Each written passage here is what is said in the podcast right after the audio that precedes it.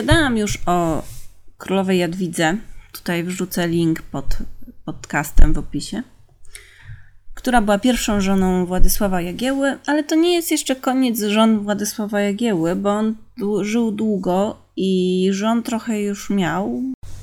I chciałabym dzisiaj opowiedzieć o całej reszcie. Jesteśmy w momencie, w którym umiera Jadwiga.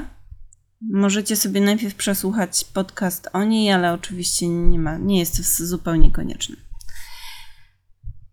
Kiedy umiera Jadwiga, wskazuje Jagielle, kogo ma poślubić, gdy jej zabraknie.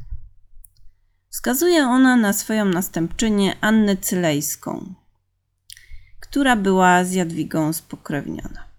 Jak pisze Długosz, po śmierci królowej Jadwigi ogarnął króla polskiego Władysława niemały strach, że zostanie usunięty z Królestwa Polskiego. A dlaczego miałby zostać po śmierci Jadwigi usunięty z Królestwa Polskiego, to właśnie Wam zaraz powiem. E, Po pierwsze, nie posiadał męskiego potomka, ani tak naprawdę prawdok tronu. Został co prawda koronowany na króla, ale został koronowany na króla jako małżonek Jadwigi.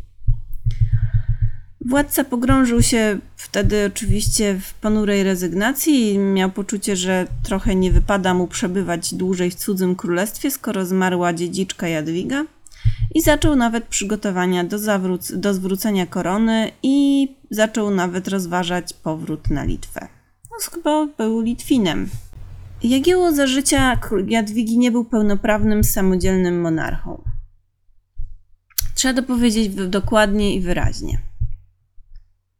Jego władza e, pochodziła od prawowitej dziedziczki, która już nie żyła. Był królem małżonkiem, stojącym, stojącym w cieniu prawdziwej suwerenki. Kiedy ta biedaczka odeszła do wieczności, stracił podstawy swojej wątłej władzy.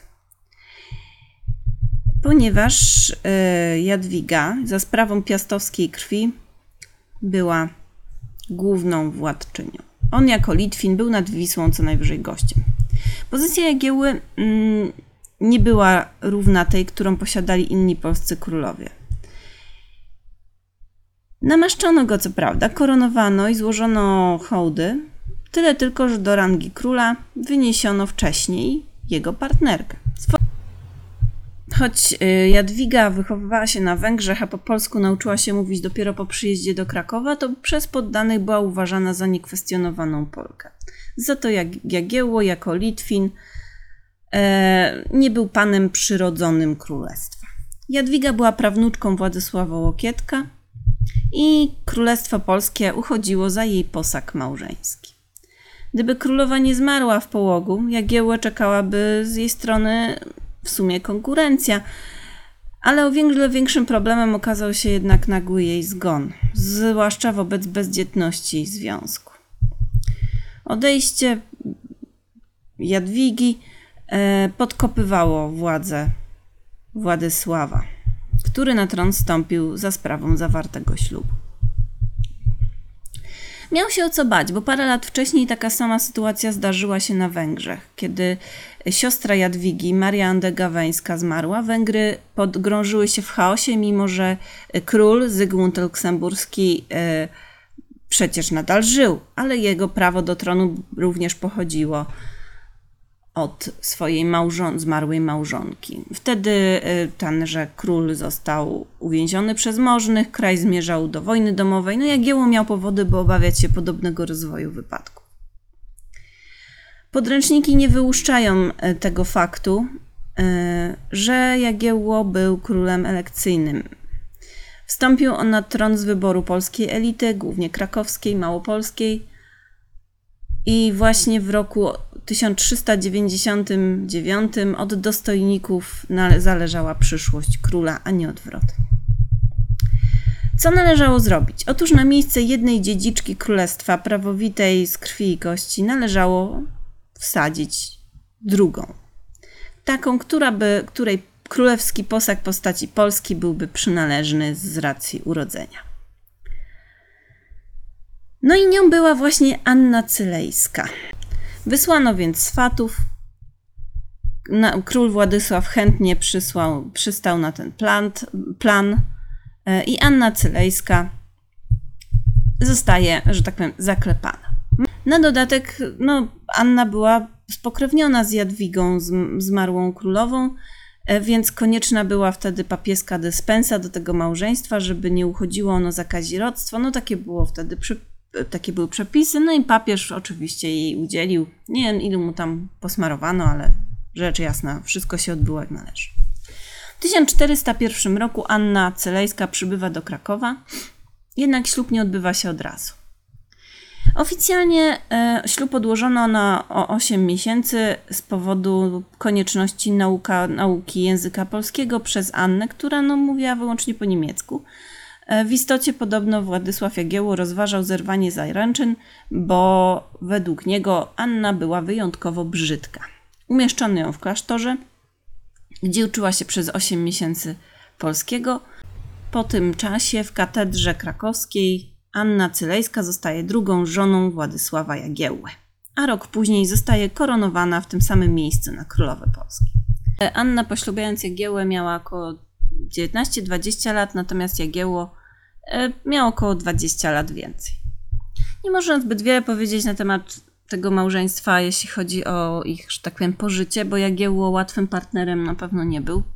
był. Mimo, że uważał żonę za straszliwie brzydką, to robił jej szalone wyrzuty zazdrości. Rzadko zaś był na zamku, królowa siedziała na Wawelu, widywała się z małżonkiem dosyć rzadko. E, nie prowadziła żadnej polityki, nie miała ambicji politycznych e, i, uwaga, zajmowała się hodowlą lwów, które sprowadzał na Wawel Jagiełło. No to taka ciekawostka. W okresie tego małżeństwa z Jagiełłą Annę kilka razy posądzano o niewierność. Na przykład w 1407 roku posądzono go i królową o romans z polskimi rycerzami, e, Jakubem z i niejakim Mikołajem Chrząstowskim.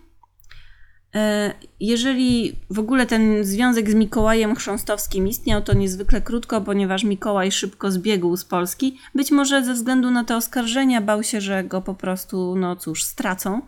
E, niekoniecznie udowadnia to, że oskarżenia były prawdziwe, ale możliwe, że ktoś tam po prostu kopał pod Janną, Anną Dołki. No, tak to czasami bywało. A jeśli chodzi o Jakuba z Kobylan, to bywa, były plotki, że spotkania królowej z tymże rycerzem były tak intensywne, że pewnego razu w sypialni Anny zapadła się podłoga. E, wielu wątpi w zdradę królowej. Być może były to po prostu rozgrywki na dworze, no ale nie wiadomo. Oskarżenia te w każdym razie uznano za niesłuszne. Arcybiskup Gnieźnieński oczyścił Annę z zarzutów, bo tak to już było, że to ksiądz musiał uznać, że kobieta jest niewinna. A mnie minął rok i królową znowu osądzono, tym razem o cudzołóstwo z Janem Temczyńskim, który był magnatem. W świetle, świetle źródeł y, podobno przyłapano go, gdy flirtował z monarchinią, czyli to nie tyle ona z nim, ile on z nią, że niby był z nią sam na sam na Zamku Królewskim o tajemnej porze w ustronnym miejscu. To był czas, kiedy Anna była już y, w ciąży i w 1408 roku urodziła pierwszą córkę, pierwsze żywe dziecko Jagielle, córkę Jadwigę. Parę lat po porodnarodzeniu, po urodzeniu córki e, Annie zarzucono kolejny romans, tym razem z arcybiskupem Kurowskim, tym, który ją wcześniej e, uznał za niewinną poprzednich zdrad. No po prostu dramat jakiś. E, choć istnieje także wersja wydarzeń, że to Anna osądziła arcybiskupa o to, że ją no, do niej, że tak powiem, nieelegancko zarywa. Jagiełło wezwał go do złożenia wyjaśnień, tak się złożyło jakoś dziwnie przypadkiem, że arcybiskup Kurowski w drodze na dwór Jagiełły, by złożyć wyjaśnienia, spadł z konia i umarł. No, może spadł sam, a może wcale nie. W każdym razie trudno powiedzieć, kto tam kogo próbował wrobić. Pod koniec 1415 roku Anna e, zachorowała i przez wiele miesięcy nie wstawała z łóżka. Więc y, nie wiem, jaka to była choroba, ale w 1416 roku Anna Cylejska, druga żona Jagiełły, umiera w Krakowie. Zostaje pochowana na Wawelu. I po niej zostaje urodzona w 1408 roku córka Jadwiga. Jagiełło spędził z Anną ponad 10 lat.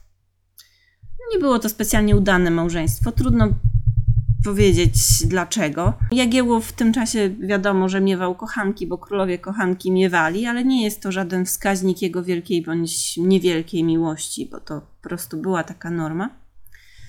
Niemniej Jagiełło był rozczarowany, że Anna nie obdarzyła go synem, ponieważ syn zabezpieczałby losy jego, jego samego, a także dynastii już na pewno. W związku z tym pojawiła się na scenie trzecia żona. Ale zaraz zanim powiem, jak wyglądało małżeństwo Jagieły z jego trzecią żoną, to muszę opowiedzieć coś niecoś o niej.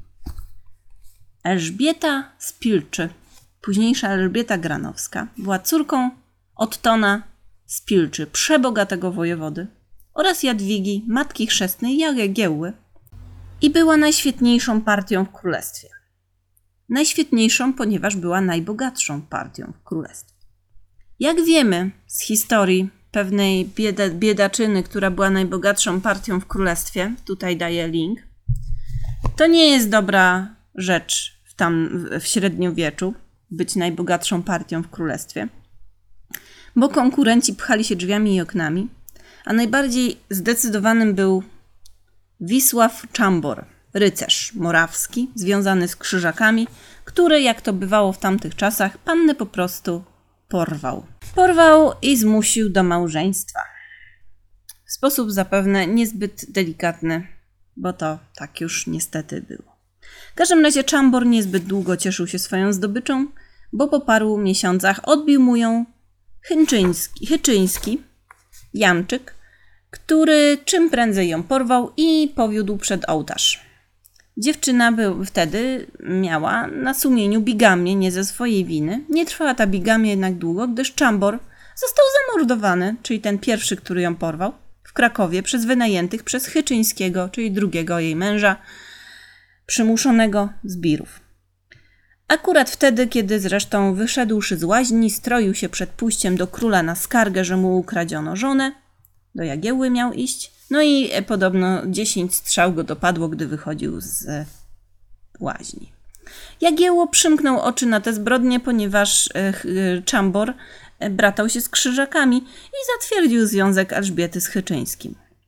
Chyczyńskiemu też jednak krótko sprzyjała fortuna. Zaledwie po roku tego teoretycznie legalnego małżeństwa zmarł na nieznaną chorobę, uznaną przez wszystkich za karę Bożą. Nie czekając jednak na koniec żałoby, sprawujący władzę nad y, nieszczęsną Elżbietą, wuj y, jej wydał ją, a ma ona wtedy 17 lat i jest już podwójną wdową. I wuj wydaje ją za starszego win, od niej o wiele Wincentego z Granowa. Niezbyt majętnego kasztelana, który był jednak pieniaczem, gwałtownikiem, E, ale za to za męstwo pod Grunwaldem Jagiełło mianował go dowódcą Torunia. No i następują wtedy powiedzmy, że spokojne lata w życiu Elżbiety. Urodziła kasztelanowi czworo dzieci, dwóch synów i dwie córki. I w tym czasie często bywała na królewskim dworze. Zap- zaprzyjaźniła się wtedy serdecznie z księżniczką Anną, siostrą Jagiełły i spotykała na pewno samego króla. Nie sposób ustalić, czy została Y, już kochanką jego, ale na pewno po śmierci swojego trzeciego męża, gdzieś około 1415 roku, kiedy umarła Anna Cylejska, druga żona Jagiełły, zwróciła się ona, że tak powiem, w kierunku króla. Jagiełło miał wtedy 65 lat, co w tamtych czasach nawet już uchodziło za wiek Matuzalemowy jednak nadal pragnął kobiecego ciepła i nadal miał nadzieję na męskiego potomka. E, nie trzeba dużo mówić, że wywołało to w kraju oburzenie. Na dodatek e, prawdopodobnie ostatni mąż, trzeci mąż Elżbiety prawdopodobnie został otruty z inspiracji krzyżaków, ale to już tak W każdym razie umiera Anna Cylejska, Mąż Elżbiety również umiera, no się szczęśliwie składa, że ona na, we dworze jest już znana i król być może z nią już wcześniej jakiś romans miał. I król zapałał w przedziwny sposób miłością. U, u, niektórzy uważali, że został nawet zaczarowany i postanawia koniecznie ożenić się z Elżbietą. Mówili, że Elżbieta rzuciła na niego urok i w ogóle. Przede wszystkim problemem było to, że była trzykrotną wdową.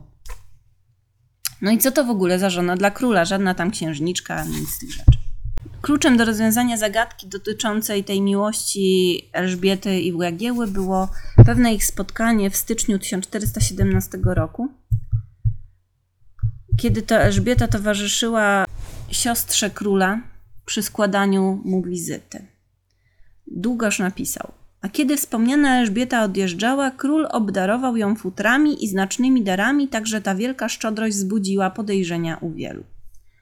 To hojne obdarowanie wskazuje na, e, że tak powiem, pewną sympatię władcy do kobiety, bo cztery miesiące po tym spotkaniu, po, tych, po tym obdarowaniu, za którym kryją się jakieś tajemnicze, prywatne sprawy, Granowska i Jagiełło byli już małżeństwem.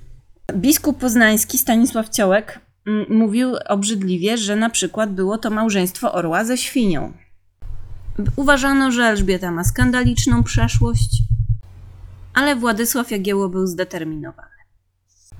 2 maja 1417 roku następuje ślub w Sanoku, a 19 listopada już Elżbieta Granowska zostaje koronowana na Wawel. Chwili, chwili, tak jak mówiłam, małżeństwa z królem Polski jest ona trzykrotną wdową z już pięciorgiem dzieci. Na dodatek ma ponad 40 lat, lat. jest nierówna statusowi władcy. Na dodatek jest siostrą duchową Władysława Jagieły, no bo jej matka była matką chrzestną Jagieły. Jednym słowem, wszystko źle. Dla duchowieństwa to niemal kazirodztwo. Nie dość, że stara, nie dość, że dzieciata, nie dość, że trzykrotna wdowa, no po prostu dramat jak król może sobie taką babę wziąć. Ale najwyraźniej się zakochał. Dwa lata po ślubie u Elżbiety pojawiają się objawy gruźlicy, na którą umiera w 1420 roku w Krakowie i zostaje pochowana w katedrze wawelskiej, z której po 200 latach szczątki, jej szczątki usunięto, by przygotować miejsce na pochówek Batorego i nie wiadomo, gdzie je przeniesiono. Jednak wtedy Marcin Bielski niejaki był przy tym usuwaniu jej kości i zanotował, że ko z kości znać jeszcze było, że ta białogłowa musiała być subtelna i cudna. Władysławowi Elżbiecie było ze sobą dobrze. Mm. Jadwiga i Anna, poprzednie żony króla, siedziały na Wawelu pozbawione widoku męża, który się do nich specjalnie nie palił, za to Elżbietę wszędzie zabierał ze sobą. Po, po koronacji na Wawelu um, uczynił z niej nieodłączną towarzyszkę, również podczas audiencji i narad. Um, miał za nic, że tak powiem, złe języki. Wspomnę tutaj o pewnym malowniczym, choć dramatycznym zdarzeniu. Oto pewnego razu w podróży zaskoczyła parę królewską gwałtowna burza. Dojeżdżali wtedy do Środy Wielkopolskiej, był to 400, 1419 rok, kiedy uderzenie pioruna zabiło dworzan siedzących na koźle. Cztery konie ciągnące kolaskę, jagieły i dwa pod wojewodami poznańskim i sandomierskim, choć bez szkody dla wojewodów. Król stracił chwilowo słuch i odczuwał silny ból w prawej ręce. Według Długosza Zbigniew Oleśnicki pośpieszył natychmiast, z natychmiastowym komentarzem: Masz dowód i świadectwo królu w tych żywiołach, które są, się na ciebie oburzyły, jakie popełniłeś przestępstwo, łącząc się z siostrą swoją chrzestną. Widzisz, że i mur najsilniejszy się pod tobą łamie i niebo grzmotem i błyskawica cię upomina. Jeżeli więc nie będziesz pokutować, lękaj się, abyś w takich okolicznościach nie zginął i aby cię ziemia nie pochłonęła. Tak mówi Długosz, a Długosz, jak wiemy, bardzo pięknie zmyślał plus y, nie wiem skąd miałby wiedzieć, że coś takie słowa padły. Ale y, zarówno król, jak i królowa wyszli z tego cało, choć ona, jak mówiłam, zaczęła podupadać potem na zdrowiu. I kiedy ona była chora, y, Jagiełło towarzyszył przy łożu chorej, opuszczał ją bardzo rzadko i nie krył głębokiej rozpaczy, gdy Elżbieta umarła. Choć Wiadomość o śmierci Elżbiety uradowała dwór królewski i królestwo polskie, co tu również długoż y, zanotował. że jej zgon zatarł ohydę ściągniętą na króla i naród cały. Była to niewątpliwie naprawdę historia miłosna.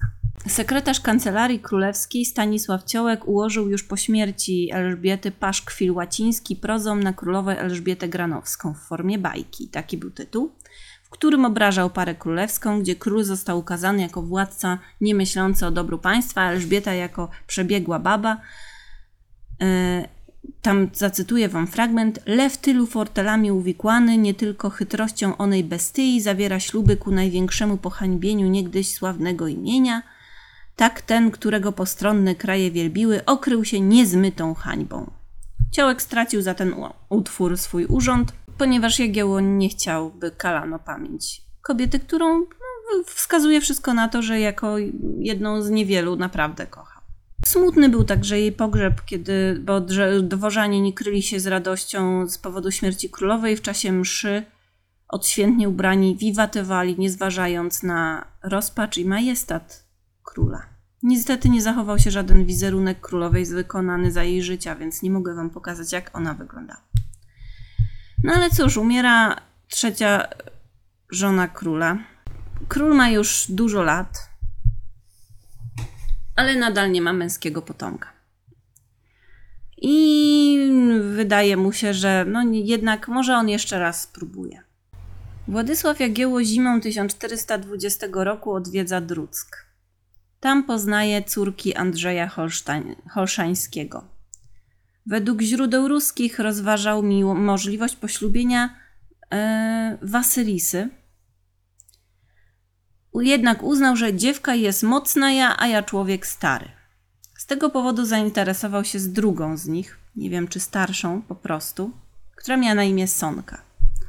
Jak podaje ówczesne polskie źródło, króla do tego związku zmotywował ówczesny pogląd medyczny, według którego stary mężczyzna i młoda kobieta będą mieli liczne potomstwo. Orędownikiem tego małżeństwa był oczywiście wuj dziewczyny, który był także bratankiem króla. Sonka przed ślubem z polskim królem musiała przejść z prawosławia na katolicyzm, przyjmując jednocześnie imię Zofia. Między małżonkami istniała naprawdę kolosalna różnica wieku. Sonka miała 17 lat, Władysław Jagiełło około 60-70. W 1422 Sonka, już później Zofia, znajduje się na Wawelu. E, jest żoną Jagieły, choć jeszcze nie jest królową.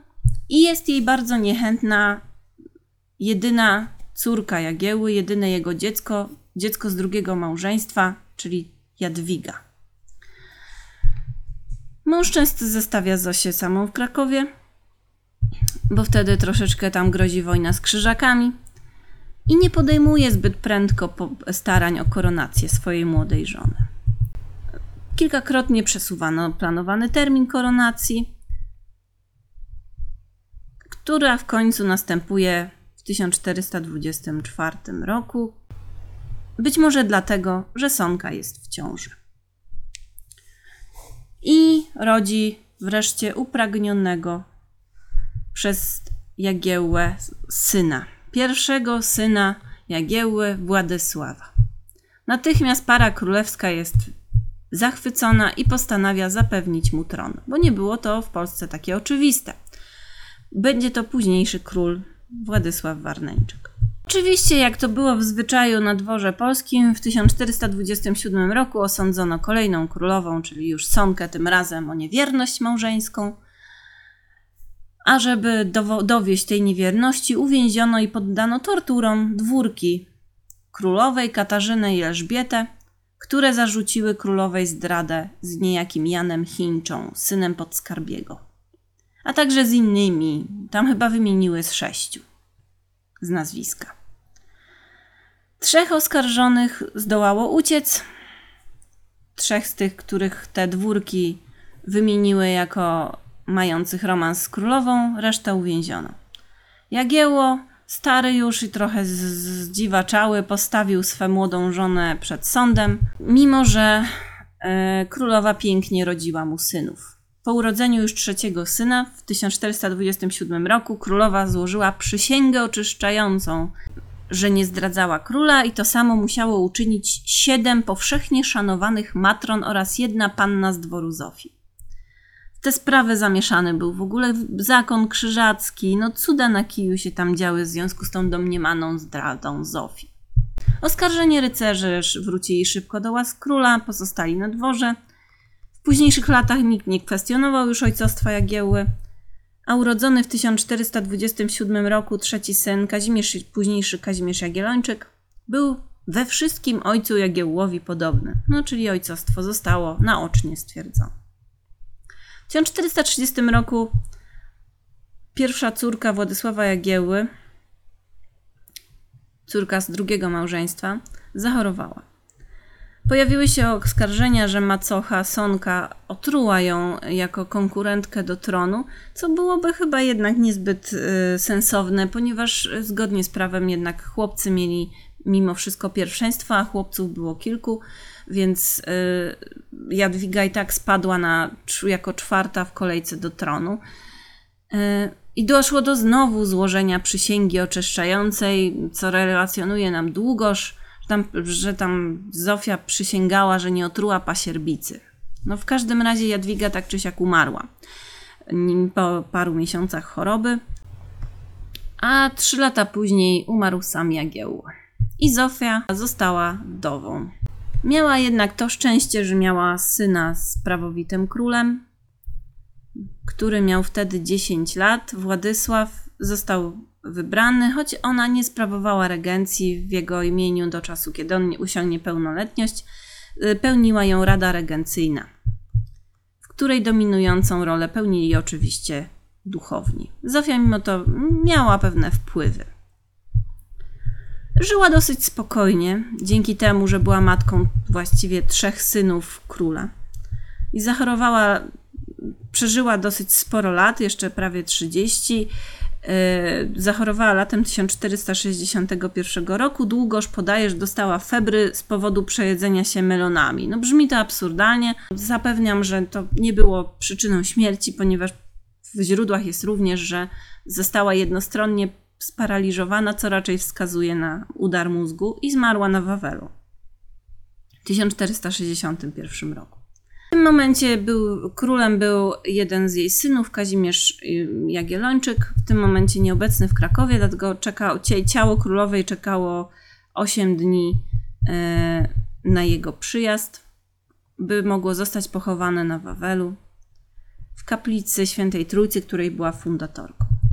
Do dzisiejszych, czasach nie przed, do dzisiejszych czasów nie przetrwały ruskie malowidła, bo pamiętamy, że ona była ruską księżniczką, została jednak płyta nagrobna umieszczona pierwotnie w posadzce naprzeciwko ołtarza, która została ona usunięta z kaplicy tam w 1844 roku, ale odnaleziono ją pod, już w XX wieku na cmentarzu przykatedralnym i w tym momencie jest e, ona wmurowana w północną ścianę kaplicy. Na początku XX wieku zresztą dokonano odkrycia grobu królowej Zofii. Badacze odnotowali, że była bardzo wysoka jak na tamte czasy, miała 179 cm wzrostu, nawet jak na dzisiejsze czasy byłaby wysoka. Miała, zachowały się także jej gęste, ciemne włosy zaplecione w warkocze i upięte z tyłu głowy oraz podobno znakomicie zachował się strój e, wskazujący na odzież ruską. I taka jest historia wszystkich żon nieszczęsnego Jagiełły, e, który królem był na tronie tylko dzięki kobietom, które były jego żonami, przynajmniej pierwszym dwóm to by było na tyle na dzisiaj. Mm, do usłyszenia w kolejny wtorek. Mam nadzieję, że Wam się podobało.